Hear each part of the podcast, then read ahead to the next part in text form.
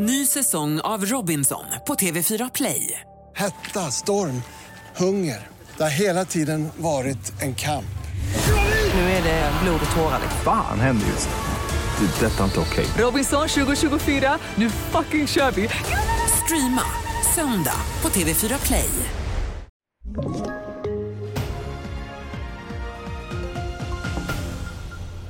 TV4-nyheterna börjar i USA för i natt kom uppgifter om att Donald Trump kommer att åtalas för att olagligt ha betalat den tidigare porrfilmskådisen Stormy Daniels för att hålla tyst om en påstådd relation. Thomas Kvarnkullen rapporterar från New York.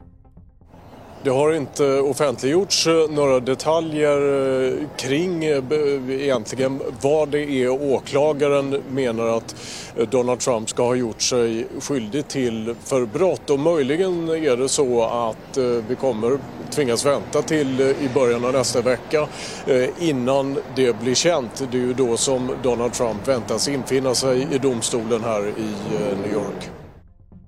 Och mer från USA för de säger sig ha nya bevis för att Ryssland vänt sig till Nordkorea för att få vapen. Det säger en talesperson för Vita huset. Man säger också att Ryssland är i desperat behov av vapen och att man på grund av sanktioner inte får tag på några från annat håll. I utbyte ska Ryssland ha erbjudit att skicka mat till Nordkorea. Här i Sverige avslutas årets varginventering idag och allt pekar på att den svenska stammen trots en rekordstor licensjakt breder ut sig. Även om all data inte analyserats klart än så är det tydligt att vargen sprider sig söderut. I Stockholmstrakten till exempel har antalet vargfamiljer nästan fördubblats sedan förra året. Fler nyheter hittar du på tv4.se eller i appen TV4 Nyheterna. Jag heter Lotta Wall.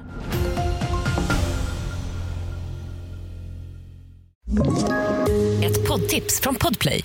I podden Något Kaiko garanterar östgötarna Brutti och jag, Davva, dig en stor dos skratt.